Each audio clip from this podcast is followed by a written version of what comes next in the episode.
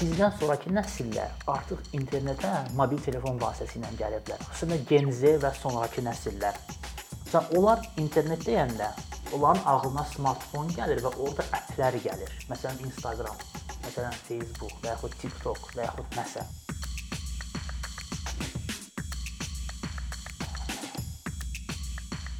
Bloqinq anlayışı biz bilirik ki, uzun bir müddət, e, bəlkə də uzun bir müddət olmasa da müəyyən bir müddət Azərbaycanın gündəmində olub.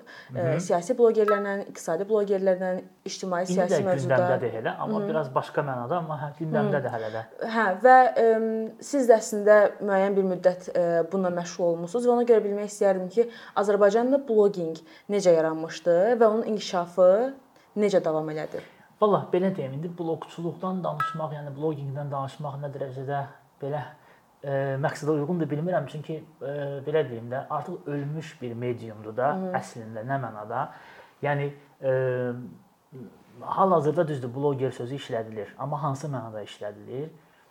Baxsaz e, YouTube-da canlı açan və yaxud Instagram-da e, belə deyək, paylaşımlar edən və ondan məsələn pul qazanan e, yaxud nə bilim Facebook-da yazanlardan. Yəni bloqer sözü ümumiyyətlə bu blokçuluğun ilk orijinal variantda necə yaranmışdı?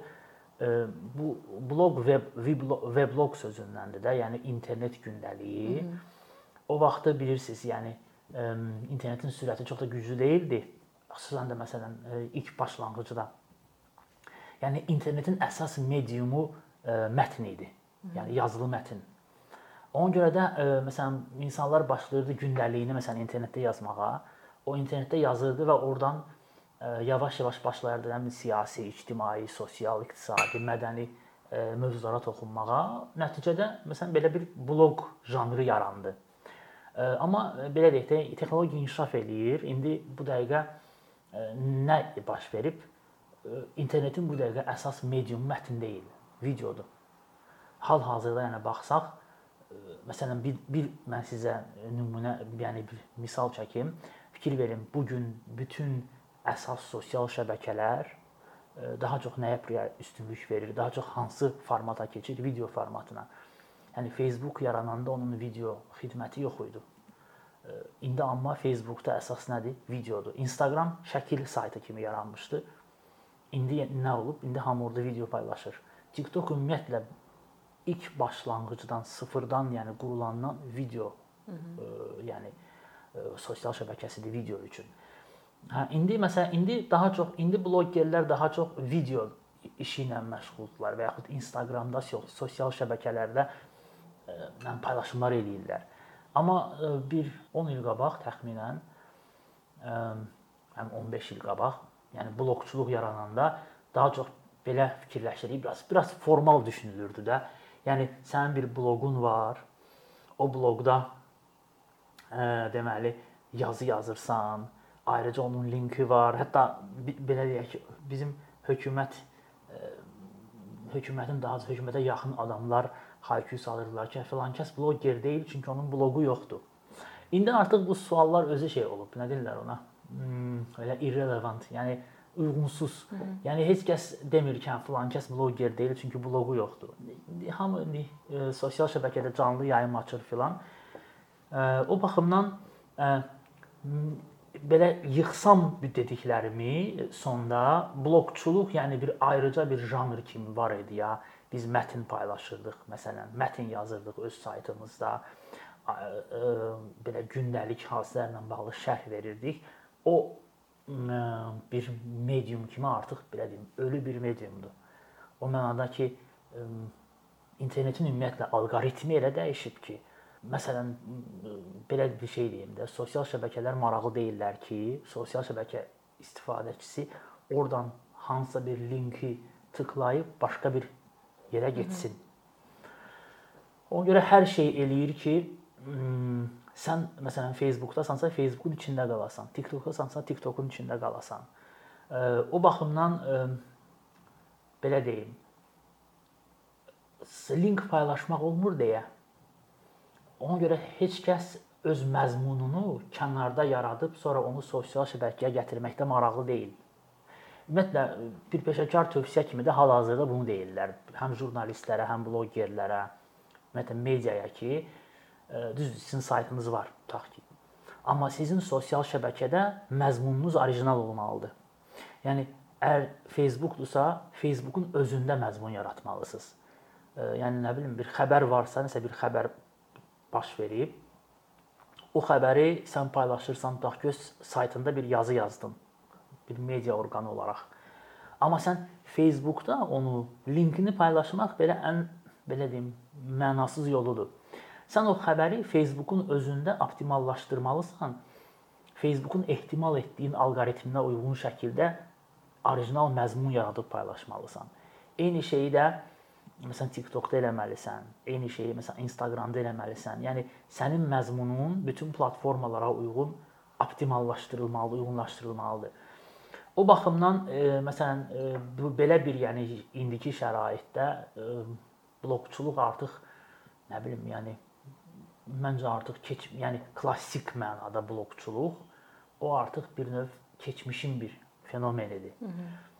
Əgər siz bayaq dediniz ki, indi artıq hər kəs canlı yayım aça bilər, hər kəs Hı -hı. özünə qonaq ə, tapıb internet olan hər kəs. Aha, internet olan hər kəs özünə qonaq tapıb ona müsahibə ə, müsahib edə bilər və müsahibə ala bilər. Ə, elə bu mövzuya belə haşiyə çıxaq ki, artıq yeni media yarananda, bizim o yeni media adlandırdığımız ə, məhfum bizim həyatımıza daxil olanda ə, bir çox insanlar bundan çox ümidli idilər.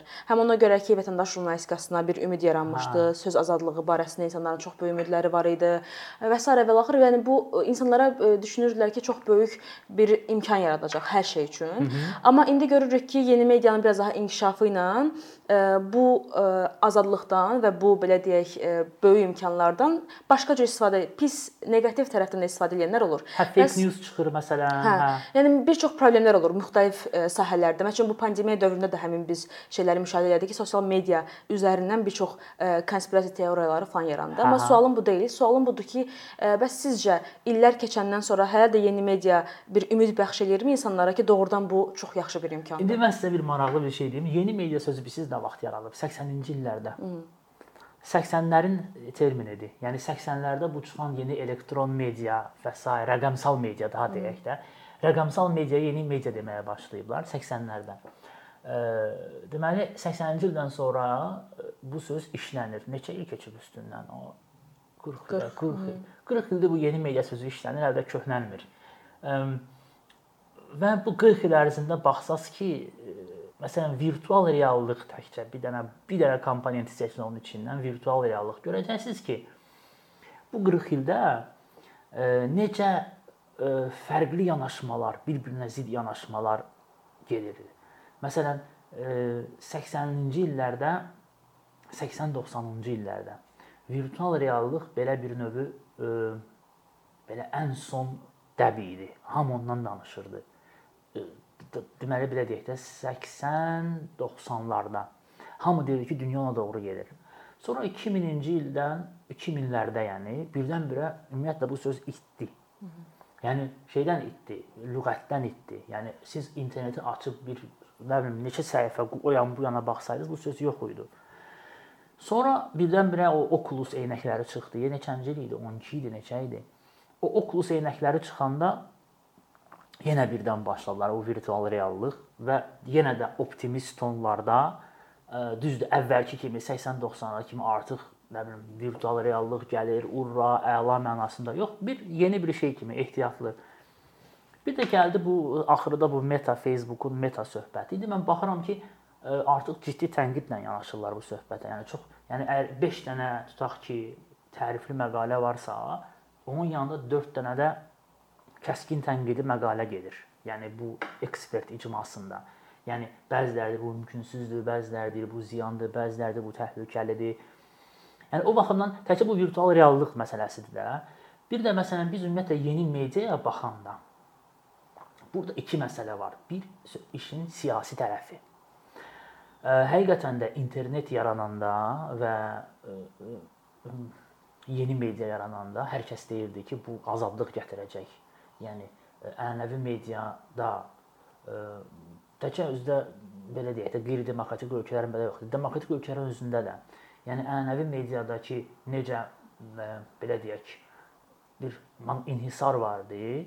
İndi amma artıq hər kəs öz istədiyini yaza bilər. Xüsusən də o ölkələrdəki azadlıq yoxdur. Orda insanlar bu internetdən istifadə edib özlərini ifadə edəcəklər. Bir iki nəfər var idi ki, deyirdi ki, yox, bu əslində elə olmayacaq. Onlar da hamı deyirdi ki, siz nə danışırsınız? İş elə gətirirdi ki, məlum oldu ki, internetdən ən yaxşı kim istifadə edir bu dəqiqə? Yeni mediadan ən yaxşı kim istifadə edir? Çin. Hı -hı. Yəni Çin və digər avtoritar ölkələr məlum oldu ki, nə bilim, yəni Rusiyanın özü, məsələn, fake news ə, faktiki olaraq belə deyək də Rus internet ə, belə deyək, biznesinin mi deyim, yəni siyasətinin mi deyim, məhsuludur. Siyasi baxımdan düzdür. Belə deyək, internetin azadlıq gətirəcəyi tezisi özünü doğrultmadı. Amma ə, qərb ölkələrində deyə bilərəm ki, bu doğrultdu. Nə mənada? Ə, yəni belə deyək, Qərb ölkələrində bu medianı daha da belə pluralizmə doğru irəli çəkdi. O mənada ki, tutaq ki, əvvəllər bir neçə böyük qəzet var idi və bu böyük qəzetin mövqeyi idi. İndi amma ə, e, sıfırdan yığılmış, məsələn, ayrı-ayrı e, belə yeni saytlar atıldı ortaya. Məsələn, Politico saytı var idi. O sayt məsələn o sayt çıxandan sonra artıq Washington Post məsələn başladı belə daha belə müasirliyə can atmağa və s. Yəni qərb belə deyək, qərb ölkələrində, demokratik o qərb ölkələrində yeni media kifayət qədər medianı daha da pluralist elədi. Yeni səslərə gəl, yeni səslər, yeni filan filan. O baxımdan biraz iki başlıdır. Yəni tam da deyə bilmərik. Mənim de demək istədiyim başqa bir şey var ki, əslində yeni media işləri çox çətinləşdirdi şey mənasında, başqa mənada, texniki mənada. Bax, siz siz jurnalistik, jurnalistsiniz də, belə peşəcə. Məsələn, siz e, 30 il qabaq universiteti qurtarsaydınız, bilir, biləcəydiniz ki, bir sayt var, ya bir televiziya var, bir radio var. Siz ora işə gedəcəksiniz. Sizə bir normal, yaxşı bir maaş verəcəklər. E, siz nə bilim saat 8-dənmi, 9-danmı gəlirsiniz işə, işinizi görürsüz. Axşam saat 6-da, 7-də gedirsiniz evə. Mətni yazdınız, reportajı hazırladınız, verdiniz. Qalanı sizlik deyil. Hı? Bunu qəzetə qoyacaq redaktor, çapa verəcəklər, satışa çıxacaq, hə? Satış sizlik deyil. Siz maaşınızı alırsınız. Televiziya haçan efirə gedəcəyim setkanı siz düzəltmirsiniz də.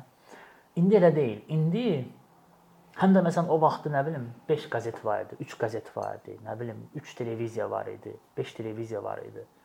Yəni insanlar məsələn evə gəlirdilər. Məsələn Azərbaycanda 2 televiziya var idi də 90-lara kimi. Bir mərkəzi televiziya, Moskva, bir də Bakı Hı. televiziyası. Yəni insan e, hara baxsa bu ikisinə baxmalı idi. Başqa yəni seçim yox idi. Seçim yox idi. Hə. E, indi amma e, jurnalistin işi dəhşət çətinləşib. Ona görə ki, jurnalist artıq e, köhnə jurnalistlərə materialı hazırlayırdılar, dedilər ki, hə, mənim işim bitdi. İndinin jurnalisti materialın hazırlanmasından yayımına kimi hər şey nəzərə almalıdır.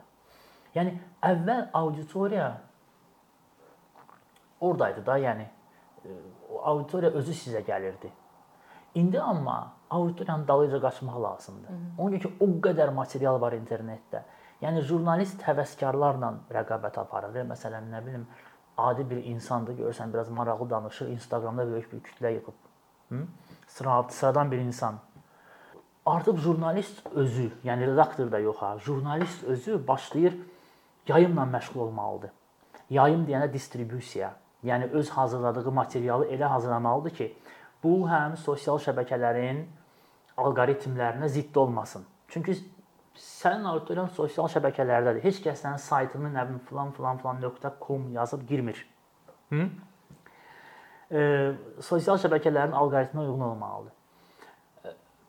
Nə bilim WhatsApp-a, Telegram-a, Instagram-a, TikTok-a 100 yerə fikri yayılan bir insanın Hı -hı. diqqəti üçün mübarizə aparıb onun diqqətindən bir bir 10 saniyə qoparda bilməlidir. Nə etməlidir ki, sən jurnalist ya bloger ya kimsə onun diqqətindən bir 10 saniyə qopartsın. Təsəvvür edirsiniz, yəni hələ də indiyə qədər böyük yazılar yazanlar var. Mən də onların içində belə yazıram uzun-uzun Elə mən də onların içindəyəm. Hə, yazıram. Sonra özüm fikirləşirəm ki, bu cəmaət məsələn telefonu açır, WhatsApp, Telegram, te, nə nə nə filan filan, Instagram bu onları qoyub, o, orada maraqlı kimsə gülməli söhbətləri filan qoyub, sən bu boyda yazılı oxuyandır. Yəni o baxımdan ə, o hətta bir söz də çıxıb onunla bağlı diqqət iqtisadiyyatı, attention economy, hətta bir dənə maraqlı kitab var, Attention Merchants. Ə, Tim Wu yazıb məşhur o internet internetin nəzəriyyəçilərindən biri. Artıq belə deyək, internet bir diqqət iqtisadiyyatı olub. Yəni auditoriya əvvəl hazır auditoriya var idi. O auditoriyanın informasiya az idi və informasiya çıxışı da az idi və sən məcbur gedib onlar, onlar məcbur gəlib səni qulaq asırdılar. Sən nə danışsan da, yəni ki, nə bilim, televizorda başqa kanal yoxdur. İndi amma auditor, jurnalist auditoriyanın dalınca qaçmalıdır, bloger auditoriyanın dalınca qaçmalıdır. Yəni hətta belə deyək də, e, nə nəsə eləməlidir ki, e, onu heç olmasa oradan 2-3 adam da götürsə qənimət olsun. O baxımdan e, dediyim odur ki, yeni media əslində işləri asanlaşdırmalı idi. Texniki baxımdan yeni media işləri çox çətinləşdirib. Çox çətinləşdirib jurnalist üçün. İşi artırıb və e, yəni yayıb yazmaqdan başqa da yayımla məşğul olmalısan, iş artıb. Hı -hı Amma eyni zamanda da maaş aşağı düşüb. Nə mənada maaş aşağı düşüb? Bu internet həm də biznes köhnə biznes modelini dağıdıb. Yəni əvvəl kimi qəzet, reklam, baxış və s. və s.dən pul qazanmaq çətindir. Gərək min cür kreativ yol tapasan ki, pul qazanasan. Nə qədər şey bankrot oldu mətbuat orqanı və yaxud da balacalaşdırdı öz əməliyyatlarını. Bəlkə biz məsələn jurnalist vərdişlərinə toxundunuz. Bəlkə elə bunun üzərindən davam eləyək ki, biz ənənəvi jurnalistlərlə yeni jurnalistlər, vətəndaş jurnalistikasına məşğul olanlar, sizin dediyiniz kimi həvəskar insanlar, sosial media fenomenləri və ümumiyyətlə influencerləri hazırda bir çox yeni məfhumlar, terminlər və sair yaradırlar. Bəs ənənəvi jurnalistlərin ya da ki, ənənəvi media insanlarının bu gün yeni mediada davranışları necə dəyişir? Deməli, elə bu günlərdə bir dənə maraqlı məqalə oxudum onunla bağlı. Deməli bir yeni anlayış çıxardıblar modul jurnalistikası. Hı -hı. Deməli İtaliyada harda? İtaliyada deyəsən, hə, İtaliyada bir sayt görüb ki, uzun məqalələr oxumur. Bu süni intellekti qoşub sayta və tapıb ki, hə, məsələn, yazının bu tərəfi oxucuların xoşuna gəlir, bu tərəfi xoşuna gəlmir. Hə, nə edək? Süni intellekt deyir ki, belə yazmaq olmaz. Çünki oxucu bunu oxumur, ona maraqsızdır. Deməli, artıq məqalədə bunları yazmaq olmaz. Belə şeylər yazmayın. Və redaksiyada jurnalistlərə konkret deyirlər ki, məsələn, belə yazma. Çünki süni intellektin hesablamasına görə bu oxucuya maraqsızdır. Və e, yazını da e, strukturlaşdırmağa başlayırlar ki, məsələn, tutaq ki, az qala hər abzas özü özlüyündə bir bitkin bir mətn olsun. Çünki belə çevirəndə oxucu saytı və yaxud nə isə. Orda məsələn 3 cümlə oxusa belə bitkin bir şey oxusun. Yəni belə deyək də, sizin sualınızın konkret bir cavabı yoxdur. Nə mənada konkret bir cavabı yoxdur. Çünki biz auditoriyanı bilmirik. Daha da bilirik auditoriyanı. Yəni statistika var, araşdırmalar var, keyfiyyət araşdırmaları filan. Sadəcə məsələn, məsələn mən baxıram bir araşdırma belə şey yazır, başqası belə şey yazır biz e, nə demək istəyirəm indi burada? Jurnalist eksperiment eləməlidir davamlı olaraq. Yeni formatları yoxlamalıdır. O yəni fəaliyyət göstərdiyi platformanın ehtimal olunan alqoritmlərinin e, verdiyi imkanlardan istifadə eləyib yeni bir məhsul yaratmalıdır. Hı? Necə demək olar? Məsələn, kartlar var. Ruslar ruslarda bu çox geniş yayılıb. Məsələn, Instagramda paylaşırlar və yaxud qısa-qısa e, mətnlər, xəritələrin istifadəsi, data jurnalistikası, sonra ə, e, yəni həm formatda yenilik olmalıdır, həm belə deyək, məzmunda. Məsələ nədir? E, jurnalistin biliklər, yəni bacarıqlar toplusu genişlənir. Məsələn, əvvəl jurnalistlər var idi, ancaq mətn yazırdı. fotojurnalistlər var idi ayrıca, video jurnalistlər var idi.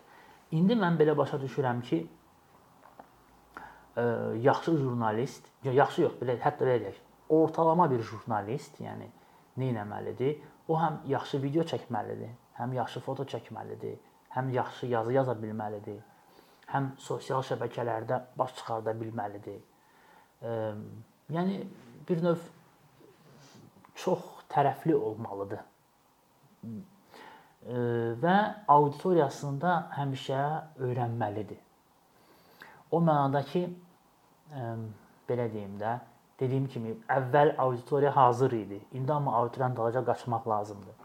Auditoriyanın xüsusiyyətindən çox şey asılıdır. Məsələn, bu gün internet auditoriyasına biz baxanda nə görürük? Ümumiyyətlə gəlin əvvəldən özümüzdən danışaq, bizim nəsildən. Bizim nəsil inter, yəni bizim nəsil internetin ilk nəsli idi də belə deyək. Yəni nə mənada? İnternet yarananda, məsələn Azərbaycanda internetə ilk qoşulanlar bizim nəsil idi. Bu necə oldu? Yəni internet Azərbaycanda əlçatan olanda ora kimlər ilk dəfə girirdi?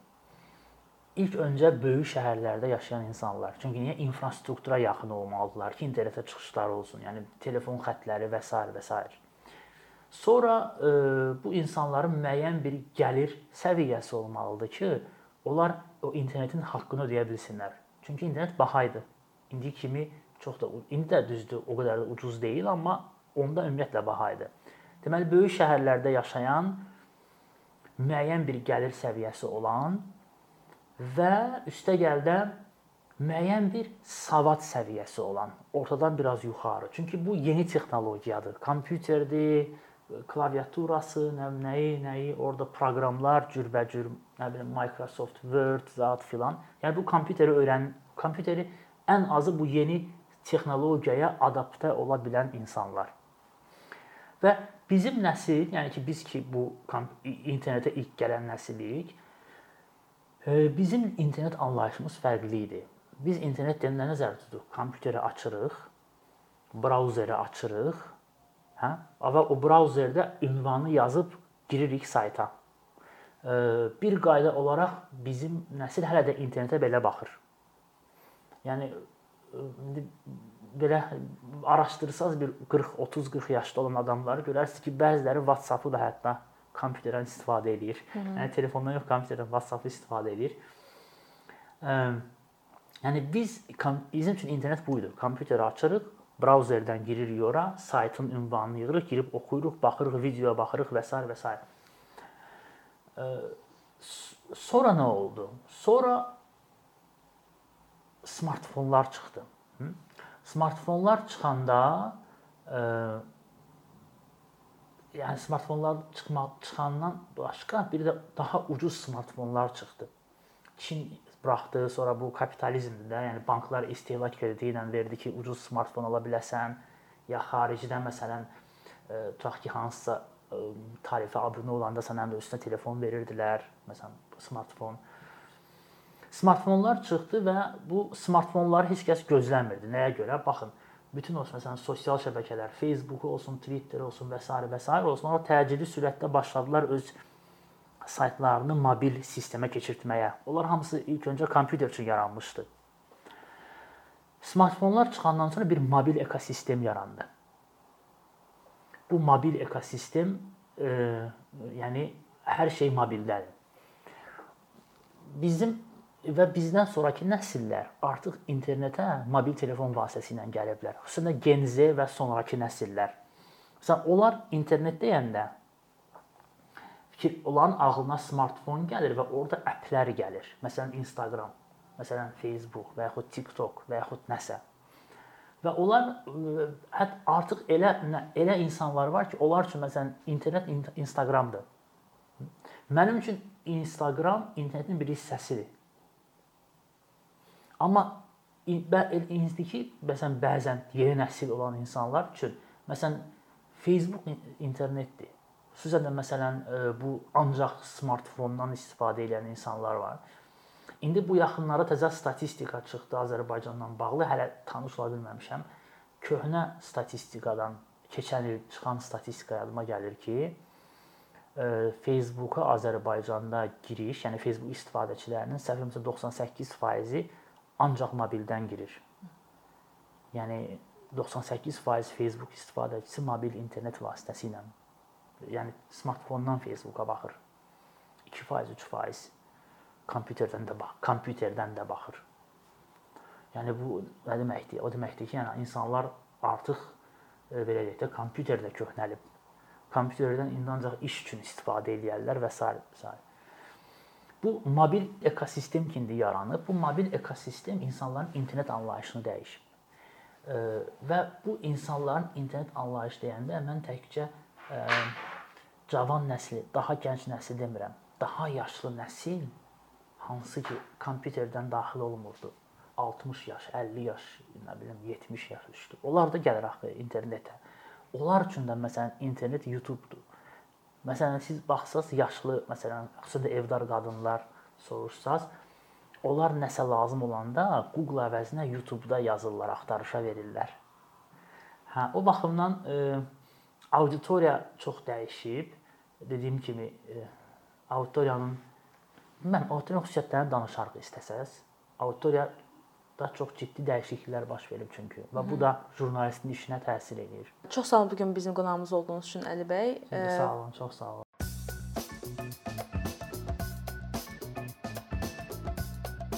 Bir neçə ildir ki, əkinçi olaraq Azərbaycanlı izləyicilərin hər zaman faydalana biləcəyi keyfiyyətli və ən əsas ödənişsiz kontent hazırlamağa çalışırıq. İndiyədək təqdim etdiyimiz onlarla animasiya və yüzlərlə çəkilişlər tələbələrin, mütəxəssislərin, müəllimlərin və ümumiyyətlə yeni mövzulardan xəbərdar olmaq istəyən çox sayda insanın marağına səbəb olub. Bu illər ərzində hazırladığımız videolar təhsil, texnologiya, ictimai fəallıq, iqtisadiyyat, gender bərabərliyi, ətraf mühit, ifadə azadlığı, hüquq, demokratik inkişaf, mədəniyyət və digər mövzuları əhatə edib. Məqsədimiz çoxlu baxış gətirən deyil, çoxlu fayda gətirən videolar hazırlamaqdır. Amma bu düşündüyümüz qədər asan deyilmiş. Gördüyümüz iş kifayət qədər resurs, əmək və təbii ki, davamlılıq tələb edir. Bu səbəbdən Patreon platformasından istifadəyə başladıq. Əkinçinin Patreon hesabının populyarlaşmasına çox böyük ümidlərimiz və gözləntilərimiz var. Bəziləriniz Patreon haqqında ilk dəfə eşidirsiniz. Əslində çox sadə izahı olan bir platformadır. Təsəvvür edin ki, siz rəssam və ya musiqiçisiniz. Sosial şəbəkələrdə sizi izləyən, işinizi bəyənən çox sayda insan var. Patreon platforması sizə imkan verir ki, izləyicilərinizin könüllü aylıq ödənişləri sayəsində işinizi davam etdirəsiniz. Sərgi, konsert zallarından asılı qalmayasınız.